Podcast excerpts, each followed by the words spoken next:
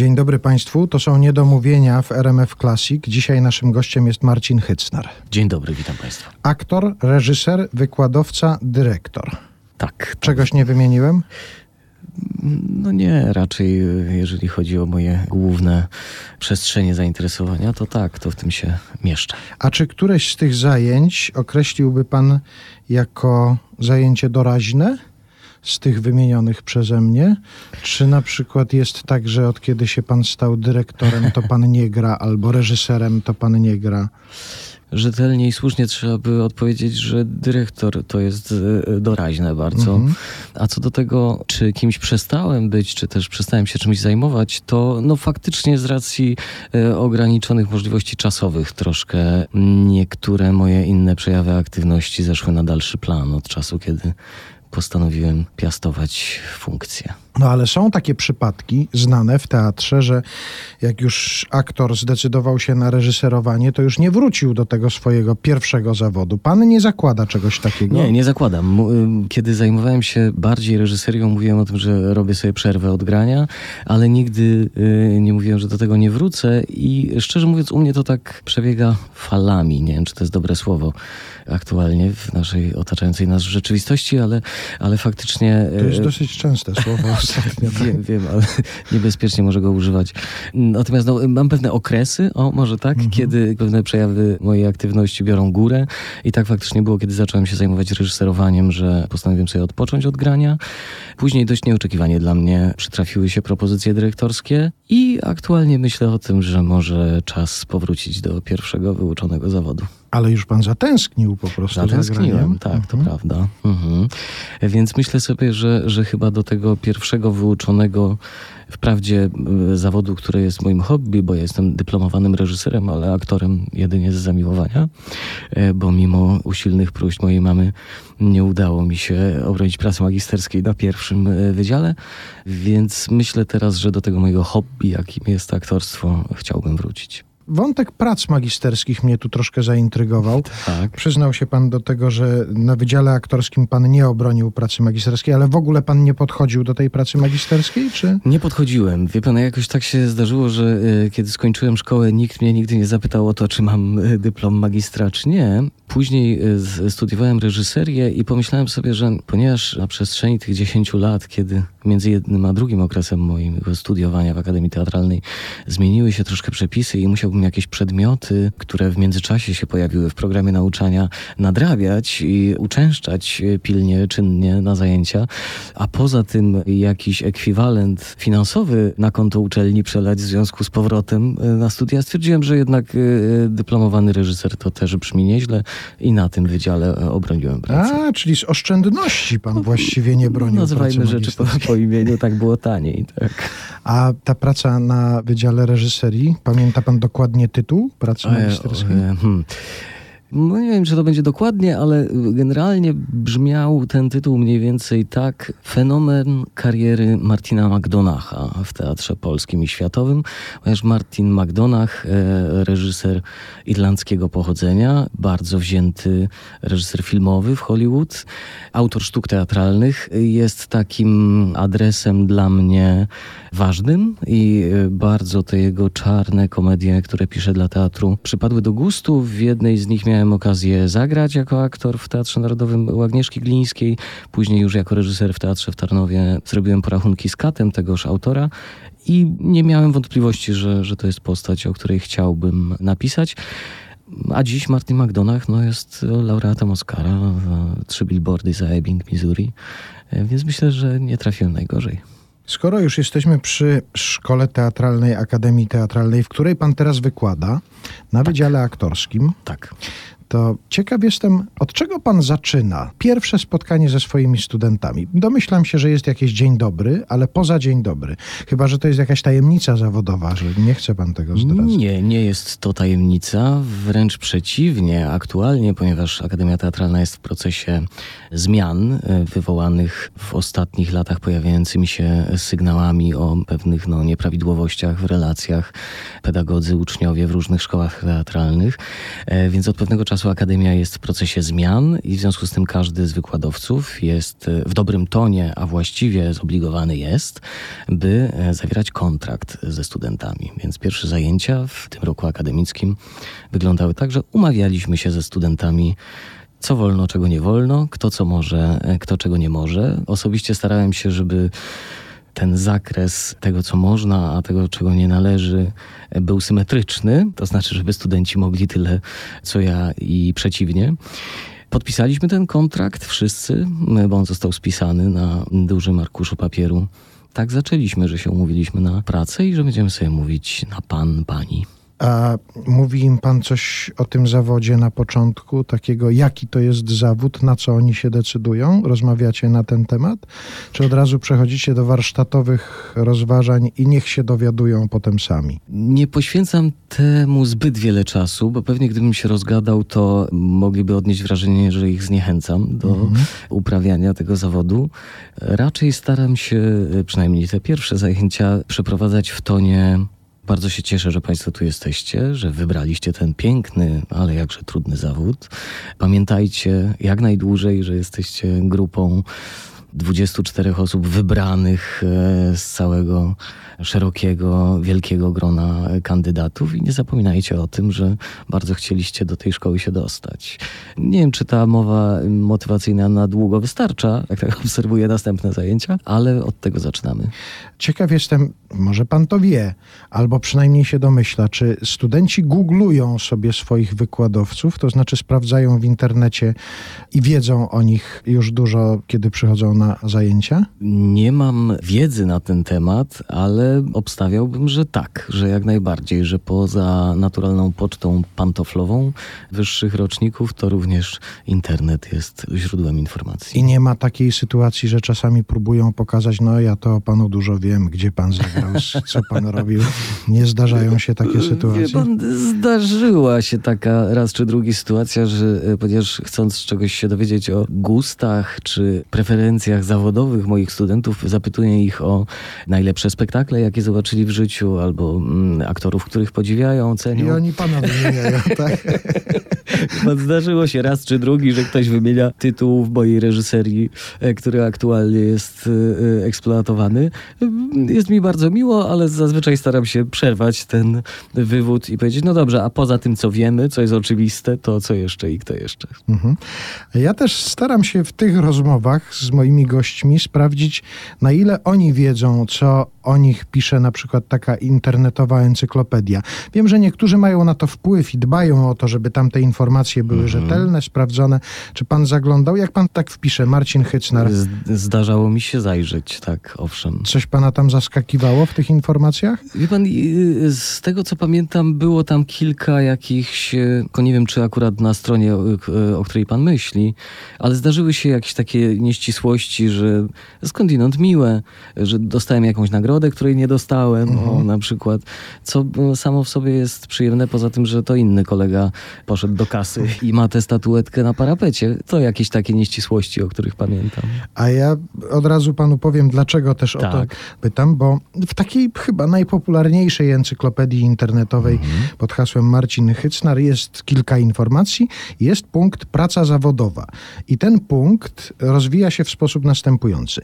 Pierwsze kroki w zawodzie stawiał w grupie teatralnej Tuptusie działającej przy szkole podstawowej nr 18 w Tarnowie i następny punkt tej pracy zawodowej w latach 2006-2016 był aktorem Teatru Narodowego w Warszawie. Tak jakby pomiędzy nic się nie działo. No to było dość płynne przejście faktycznie między, między Tuptusiami a Teatrem Narodowym. No, okupione czterema latami studiów, ale właściwie tak. Polecam, e, jeżeli chodzi o grupę teatralną Tuptusie, to łatwy start do Teatru Narodowego. To może porozmawiajmy o tym, jakie są różnice w graniu pomiędzy Tuptusiami a Teatrem Narodowym, albo podobieństwa może, jeżeli pan jakieś znajduje. E, powiedziałbym, że są pewne e, różnice dotyczące doboru repertuaru, bo tutaj pan dyrektor Jan Englert jednak mm, W Teatrze dokonywał- Narodowym, nie w e, Tuptusiach. teatrze- e, Tak, przepraszam, nie powiedziałem tego tak. E, Dokonywał nie, nieco innych wyborów e, repertuarowych i, i ten zakres literatury, w którym się poruszaliśmy w Narodowym, mam wrażenie, że był nieco szerszy, może też poważniejszy.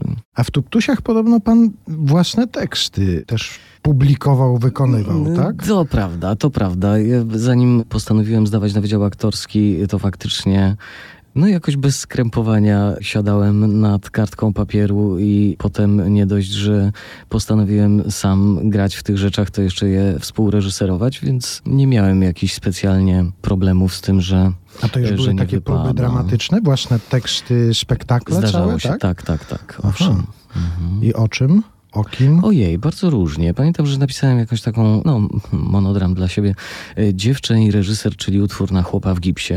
Znaczy najpierw to był tylko pierwszy człon, ale ponieważ w trakcie realizacji tego tytułu uległem wypadkowi na łyżwach, to musieliśmy dopisać ten podtytuł. Ale wiele było, e, no głównie e, bajek dla dzieci, zdarzały mi się musicale. Ich tytuły są znaczące. Gdy z tobą jest papuga, albo jak kotek zwierzęta mlekiem częstował na podstawie Bechlerowej, które popełniłem wierszem na maszynie do pisania oldschoolowej e, mojego dziadzia. Także mm, bardzo, bardzo mile wspominam te próby dramaturgiczne, aczkolwiek nie, nie chwaliłbym się nimi dziś. No to tamte zostawmy, ale co się z tym stało? Nie podejmuje pan teraz takich prób? Nie ma pan już tej maszyny do pisania? E, Maszynę przejął mój brat, ale tylko i wyłącznie służy mu chyba jako ozdoba, póki co przynajmniej. Miałem faktycznie na Wydziale Reżyserii taki przedmiot, seminarium dramaturgiczne, gdzie e, musieliśmy na różnych etapach tych zajęć oddać zarys scenariusza, jedną scenę napisanej przez siebie sztuki i faktycznie tak się zdarzyło wówczas, że jak usiadłem, żeby zaliczyć ten przedmiot, to wyszła mi cała sztuka, dosyć długa szczerze lekka zżyna po McDonachu e, miejscami. W swojej bezczelności postanowiłem e, wysłać tę sztukę pod pseudonimem znajomej reżyserce teatralnej, która napisała, że no straszne popłuczyny i że to czuć, że to jest e, poprawione, ale na plus musi powiedzieć, że fajnie zarysowane postaci i dobrym językiem mówią, czyli e, niezłe tłumaczenie. Czyli ona odpowiadała nie wiedząc, że Nie panu wiedząc, odpowiada? tak, ponieważ w swojej perfidii wymyśliłem obco brzmiące nazwisko autora, stąd jej uwaga, że tłumaczenie bardzo dobre, że nie wie kto to tłumaczył, ale nieźle to brzmi po polsku. No ku mojemu zdziwieniu później zadzwoniła do mnie redakcja miesięcznika Dialog i postanowiono tę sztukę po prostu wydać w jednym z y, numerów. A, no proszę bardzo. No Tak, to tak. czyli jednak tamta maszyna do pisania, którą dziadek gdzieś udostępnił w pewnym momencie, ma swój dalszy ciąg. No miała, tak się zdarzyło i nie zarzekam się jak, jak zwykle, że, że gdzieś tam nie wrócę. Mam, mam jakiś taki pomysł na... Chodzą mi po głowie dwie rzeczy i, i może jak znajdę trochę czasu, to faktycznie wrócę do pisania. Nikt się o tym nie dowie, bo na pewno pod pseudonimem to wydam. Jeszcze na chwilę wrócę do pisania i do, symbolicznie do tej maszyny do pisania, którą panu udostępnił dziadek. Wspomniał pan, że tam było coś pisane wierszem. Czy to jest efekt tej miłości do Osieckiej i Młynarskiego? Powiedziałbym tak, że to wszystko się zaczęło pacholęciem będąc. Występowałem przed rodziną, recytując wiersze Stafa Konopnickiej, bo takie akurat tomiki poezji u dziadzia i babci na półce były. Ten wiersz dosyć wcześnie się pojawił w moim życiu. Te próby na maszynie do pisania to była jakaś wczesna szkoła podstawowa, Mhm. a miłość do Osieckiej i Młynarskiego przyszły nieco później. Mhm. Ale one też skutkowały tym, że zdarzyło się napisać jakieś teksty piosenek? Zdarzyło się, ponieważ jak wspomniałem, niektóre z realizacji e, grupy teatralnej, w której działałem, były musicalami, więc tak, nie miałem oporów, żeby również w tej mierze się sprawdzać, ale to zarzuciłem i absolutnie uważam, że są ludzie, którzy powinni się tym zajmować i ci, którzy nie i chyba ja należę do tych drugich. Ale może niech pan pod pseudonimem da to komuś ocenić najpierw, a niech pan od razu tak tego nie wyrzuca. No, No. może, zobaczymy. Gdzieś są te teksty, rozumiem. Są, mam takie cztery pudła archiwum, jak to się zawsze mówi, z archiwum prywatnego aktora, no więc moje archiwum prywatne to są cztery pudła, które z piwnicy do piwnicy z kolejnym miejscem zamieszkania przenoszę. Nie zaglądam tam, ale zdaje się, że cały czas tkwią tam te scenariusze. Tutaj się już pojawiło słowo musical. Pan debiutował właściwie w musicalu. Tak. W teatrze śpiewałem. w Tarnowie. Tak, ale nie śpiewałem. To, To jest paradoks. rola Mały Książę nie śpiewał w musicalu? No tak, ponieważ ja, to jest tragedia mojego życia. Ja bardzo wiele rzeczy potrafię, natomiast y, no niestety śpiewanie nie należy do nich. E, A skąd ubo- pan wie? Niech pan zaśpiewa pod pseudonimem. Ja pamiętam, że nie, zdarzały mi się takie wykony w e, szkole teatralnej, kiedy byłem zmuszony do tego, żeby jednak zaliczyć przedmiot pod tytułem piosenka. No to faktycznie zdarzały się takie sytuacje, że raz usłyszałem największy komplement w życiu od pani profesor Krystyny Tkacz. Po tym, jak wykonałem Nie mam jasności w temacie Marioli, powiedziała pani profesor, no Marcin, naprawdę, no łazuka w złotym okresie.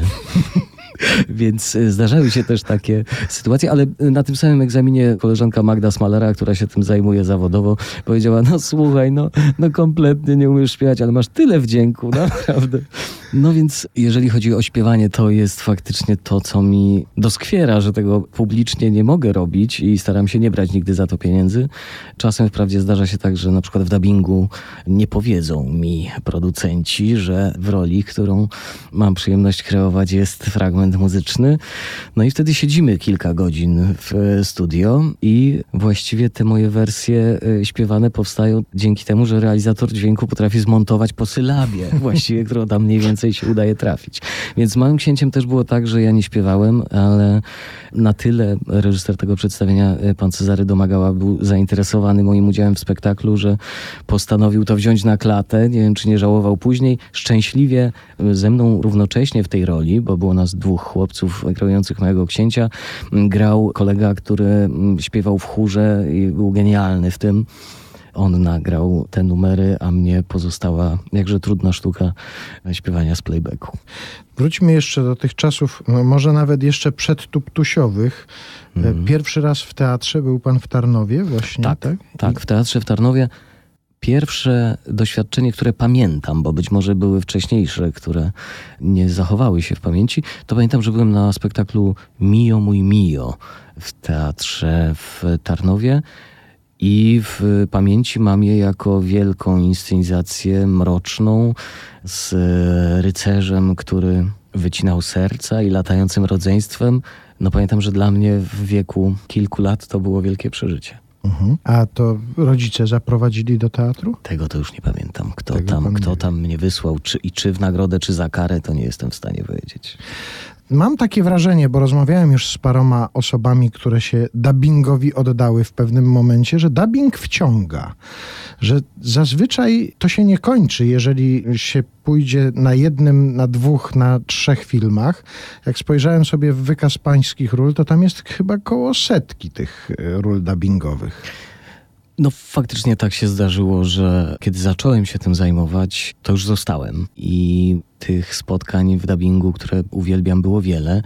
No dla mnie to jest e, fantastyczna zabawa przede wszystkim. To znaczy, jeśli ktoś, bo nie każdy aktor jest oczywiście gotowy i nie każdy ma w swoim wachlarzu możliwości umiejętność płynnego czytania awista na przykład, co niektórych nieco z tego grona aktorów, którzy mogą się tym zajmować, eliminuje, ale w moim przypadku, no właściwie za każdym razem, kiedy przychodzę do dubbingu, to to jest duża frajda. Szczególnie jeśli to są filmy animowane, kreska, bo wtedy można sobie na więcej pozwolić. Jeżeli to jest film aktorski, no to raczej trzeba się zmieścić w prawdopodobieństwie tego, co dany aktor w oryginale zaproponował twarzą i tembrem, a jeżeli to jest kreska, no to można poszaleć i, i to duża frajda i duża przyjemność, a powiem też, że, że chyba to jest najszerszy mój target, to znaczy e, moi znajomi którzy znają te filmy, z czasem puszczają je dzieciom, w związku z czym to grono odbiorców akurat tego, co robię w dubbingu jest szerokie i cały czas jest poszerzane, więc to dużą radość sprawia, kiedy się słyszy albo dostaje SMS-a, że słuchaj, no właśnie puściliśmy sobie, no świetnie, no naprawdę, a mój młody to... Mhm. Ale to jest w ogóle szersza część, e, duża część pana zawodowego zajęcia, praca głosem, no bo i słuchowiska, i audiobooki, nagrody za słuchowiska. Zdarza się, że poznają pana po głosie? Że ktoś stojąc gdzieś przed panem, nie widząc, usłyszał tylko głos, powiedział: Ojej, z Wiedźmina. E, nie, osobiście nie, nie miałem takiego przypadku. Wiem, że wśród osób, które są wielkimi fanami dubbingu, to oni doskonale rozpoznają, że na przykład ty, słuchaj, a w tym filmie to nie jest Kung Fu Panda przypadkiem, nie mówi? Czy to nie jest ten sam? No e, więc specjaliści owszem, ale tak na żywo nigdy mi się nie zdarzyło, żeby żeby ktoś mnie rozpoznał. Teraz ma chyba trudniej, bo, bo mój brat, który postanowił zajmować się podobną profesją w życiu jak ja, ma bardzo podobny głos do mojego. Mhm. I muszę przyznać, że raz nawet się zdarzyło że drobną popraweczkę w dubbingu pod moją nieobecność w Warszawie pojechał zrobić. A, proszę. Tak, tam jakieś dosłownie jedno zdanie, czy tam jakieś reakcje, ale, ale było to na tyle podobne, że nie słychać różnicy. To jeszcze pan usłyszy kiedyś taki komentarz. O, Wilgefortz ma brata. Teraz taki wątek, taka część naszej rozmowy poświęcona pana ucieczkom. No bo to zazwyczaj tak jest, jak się obserwuje, że aktorzy na przykład uciekają z takich teatrów gdzieś tam po Polsce uciekają do Warszawy. Pan zaczął uciekać z Warszawy do innych teatrów. Do Tarnowa to wybór był pewnie naturalny, no bo to pana rodzinne miasto. I tam pan zaczął dyrektorować w tym teatrze. No a Łódź, skąd się wzięła Łódź?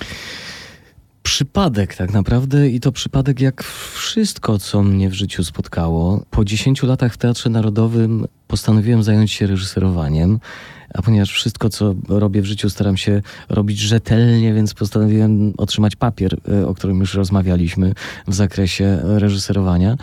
I w pewnym momencie okazało się po prostu, że etat w Teatrze Narodowym fantastyczny i wspaniała rzecz, e, każdemu życzę. Natomiast no, ogranicza kalendarz w dość e, mocny sposób i chcąc reżyserować w jakimkolwiek miejscu, musiałem to poza Warszawą, musiałem to robić albo w wakacje, albo tego nie robić. Więc po 10 latach pracy w Narodowym poprosiłem pana dyrektora, abyśmy e, jednak rozwiązali umowę i że zostanę, będę grał gościnnie, ale chciałbym się oddać reżyserowaniu, bo to mnie zajmuje. I po tej decyzji dość nieoczekiwanie dla mnie pojawiła się propozycja objęcia stanowiska dyrektora artystycznego teatru w Tarnowie. No jak pan powiedział, to moje rodzinne miasto, więc stwierdziłem, że poza różnymi innymi pozytywnymi aspektami tego planu. Jest jeszcze ten, że częściej niż na Wielkanoc i Boże Narodzenie będę mógł się zobaczyć z moimi bliskimi. Może nie decydujący, ale jeden z powodów y, mojej obecności tam. I po trzech latach tej tarnowskiej e, wędrówki postanowiłem wrócić do Warszawy i znowu miałem plan, naprawdę, szczerze, z ręką na sercu, zajęcia się reżyserowaniem i ewentualnie graniem od czasu do czasu. No i dość nieoczekiwanie pojawił się telefon e, z Łodzi, czy by pan nie rozważył no to rozważyłem i jestem. Jest pan w teatrze. Teatrze imienia Stefana Jaracza w Łodzi. W dosyć trudnym momencie pan tam trafił, no bo to zaczęła się pandemia, czyli właściwie teatr natychmiast został zamknięty. To chyba niełatwo zamkniętym teatrem zarządzać. No tak, są chyba łatwiejsze rzeczy do, do robienia w życiu. Faktycznie, kiedy rok temu, 1 grudnia dokładnie, pojawiłem się w Teatrze Jaracza w Łodzi, to był moment, kiedy teatry nie grały, był lockdown. Całe miasto było wymarłe, ponieważ e, restauracje, puby, kina, nic właściwie nie działało. Kiedy robiło się ciemno o 15 i nikogo w teatrze nie było, bo nie było dyrektora, więc nie było też prób do nowych rzeczy. Więc ten początek łódzki był bardzo mroczny, ale dość szybko zaczęliśmy pracować, mimo że efekty naszej pracy no, mm, z czasem dopiero mogły być skonfrontowane z widzami. To jednak cieszę się, że po tych naszych wątpliwościach, czy widzowie bardziej będą tęsknić za teatrem, czy bardziej się będą bali przychodzić do teatru. Jednak ta pierwsza opcja zwyciężyła i, i jakoś powoli publiczność teatralna wraca. A łatwo jest być dyrektorem nie stąd. To znaczy, no, w Tarnowie był pan stąd, bo tam pan wyrósł, sensie, tak. to było pana rodzinne miasto. Jednak Łódź to nie jest miasto, z którym był pan wcześniej związany. A może to pomaga właśnie, że się jest z jakiegoś innego środowiska, że się przyjeżdża do. Wie pan, do jeszcze, jeszcze nie wiem, czy nie za wcześnie na takie e, deklaracje. To z jednej strony może być e, przeszkoda bo y, nie zna się ludzi, każdego się poznaje od zera właściwie, a, a faktycznie byłem człowiekiem zupełnie niezwiązanym z Łodzią i z Teatrem Jaracza. I potrzeba czasu, żeby z każdym się dotrzeć, w ogóle rozpoznać teren. A z drugiej strony fakt, że nie jest się, hmm, jak to powiedzieć, niczyim człowiekiem mhm. albo e, osobą nieuwikłaną w żadne koterie miejscowe, też daje jakąś taką e, no, czystą kartę i, i że ten początek e, mógł być bez jakichś zaszłości, zależności, ale na podsumowanie to jeszcze trochę czasu potrzebuje. A czy mi się tylko wydaje, czy jest coś podobnego w tych dwóch miastach, w Tarnowie i w Łodzi? Bo jak sobie o tych dwóch miastach pomyślałem, to pomyślałem sobie, że to są miasta, które mają trochę za blisko. To znaczy Tarnów do Krakowa, a Łódź do Warszawy. Czy to nie jest tak, że no wiem, że Łódź przez wiele lat miała z tym problem w różnych sferach, nie tylko dotyczących jakoś kultury, ale i przemysłu, i organizacji, no że trochę ludzi uciekało na przykład z, z Łodzi do Warszawy. Czy nie zauważa pan, że jest coś takiego w tych miastach? E, wie pan, jest pan pierwszą osobą, która na to zwróciła uwagę. No potwierdzam, jest. Myślę, że bliskość tych większych ośrodków ma swoje dobre i złe strony. Dobre no, że mamy blisko twórców, y, realizatorów, jakby zagłębie rynku, a z drugiej strony to też jest przekleństwo, bo połowa właściwie łódzkich aktorów albo mieszka w Warszawie, albo co chwilę kursuje, ale odkąd między Tarnowem i Krakowem i Łodzią i Warszawą są autostrady, to wszystko jest do zrobienia. I coraz bardziej życzliwe kontakty pomiędzy tymi miastami. Można nabudowywać. tak. Już pan był w jakiś sposób egzaminowany z Łodzi, czy z łódzkości ewentualnej? Już pana sprawdzają, czy pan wie, gdzie co jest? Dopytują aktorzy, pracownicy teatru? E, no nie, szczęśliwie nie. E, drżę przed e, momentem, w którym taki test miałby nastąpić. No mogę panu jeszcze zadać pytanie ŁKS, czy widzę i wtedy pan już nie będzie... Pan, jutro muszę tam wrócić do tego miasta o poranku, więc umówmy się, że na tym skończymy.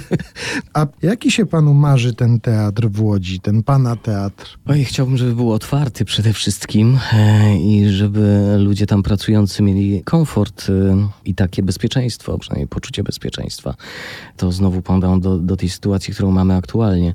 Wie pan, ja zawsze o tym mówię i tak myślę, że ja robię teatr dla ludzi i chciałbym, żeby publiczność tego teatru no, znalazła tam coś dla siebie. Nie ścigając się z innymi scenami na farsy, ale jednak, e, żeby tam dobra rozrywka, e, jakaś refleksja nad otaczającą nas rzeczywistością, żeby zarówno klasyka, jak i, jak i współczesna literatura była silnie obecna i żeby to widzów angażowało. No, żeby nie pozostawał obojętnym ten teatr, który chcemy robić. Rozpoczęliśmy próby do Wiśniowego Sadu Czechowa. Przygotowuje Małgosia Warsicka to przedstawienie na Międzynarodowy Dzień Teatru w marcu, a wcześniej pan Rafał Sabara robi prapremierę tekstu Słabi Magdaleny Drab, e, więc marzec dla nas jest intensywnym czasem, bo obie te premiery w marcu. No, mam nadzieję, że nic nie stanie na przeszkodzie, żeby w tym terminie skonfrontować te prace z naszymi widzami. Przepraszam, że ja tak ciągle wracam do tego tuptusia, ale to mhm. jest dla mnie ważny etap, a dla pana tym bardziej bardziej ważny etap. Zagląda pan czasami? Jeszcze ma pan jakiś kontakt z Tuptusiem, czy teraz już nic, żadnego? Z Tuptusiami od czasu do czasu się widujemy, ponieważ ta grupa teatralna z czasem y, miała kilka podgrup y, wiekowych i ja jestem najstarszym tuptusiem, to musi pan wiedzieć, znaczy jednym ze starszych. Jak to brzmi najstarszy grupa tuptuś. starsza, tak, I, i, i, kolejne grupy młodsze, więc y, z tymi starszymi tuptusiami od czasu do czasu się spotykamy i, i jesteśmy w kontakcie. Pozdrawiam wszystkie koleżanki i kolegów, e, z którymi przejeździliśmy całą Polskę e, właściwie swego czasu e, z naszymi przedstawieniami. Tak, i myślę, że to są przyjaźnie. E, nie bałbym się tego słowa, które po latach, no wiadomo, częściej lub rzadziej, ale ten kontakt mamy. To jest coś niezwykłego w tym, może nadinterpretowałem to, ale na 24. Festiwalu Sztuk Teatralnych w Łodzi, oprócz takich nagród jak Grand Prix, Nagroda Publiczności, Nagroda Dziennikarzy, Nagroda Jana Machulskiego, pamięta pan, że dostał pan też Nagrodę Festiwalowej Gazetki? Tak. A wie pan, jak ona się nazywała? Pamięta pan? Tupot. Przenikliwy pan jest bardzo. Tu ptusie, tu pot. No tak, jakoś tak się to układa. No to życzę panu, żeby się jak najpiękniej układało, zwłaszcza w tym nowym miejscu w teatrze imienia Stefana Jaracza w Łodzi. Możemy zaprosić oczywiście naszych słuchaczy. Niech Bardzo serdecznie Państwa zapraszam, jak już powiedzieliśmy w rozmowie. To bardzo niedaleko do Teatru Jaracza na nasze przedstawienia. Bardzo dziękuję. Dziękuję Panu ślicznie. Dziękuję. Dziękuję Państwu.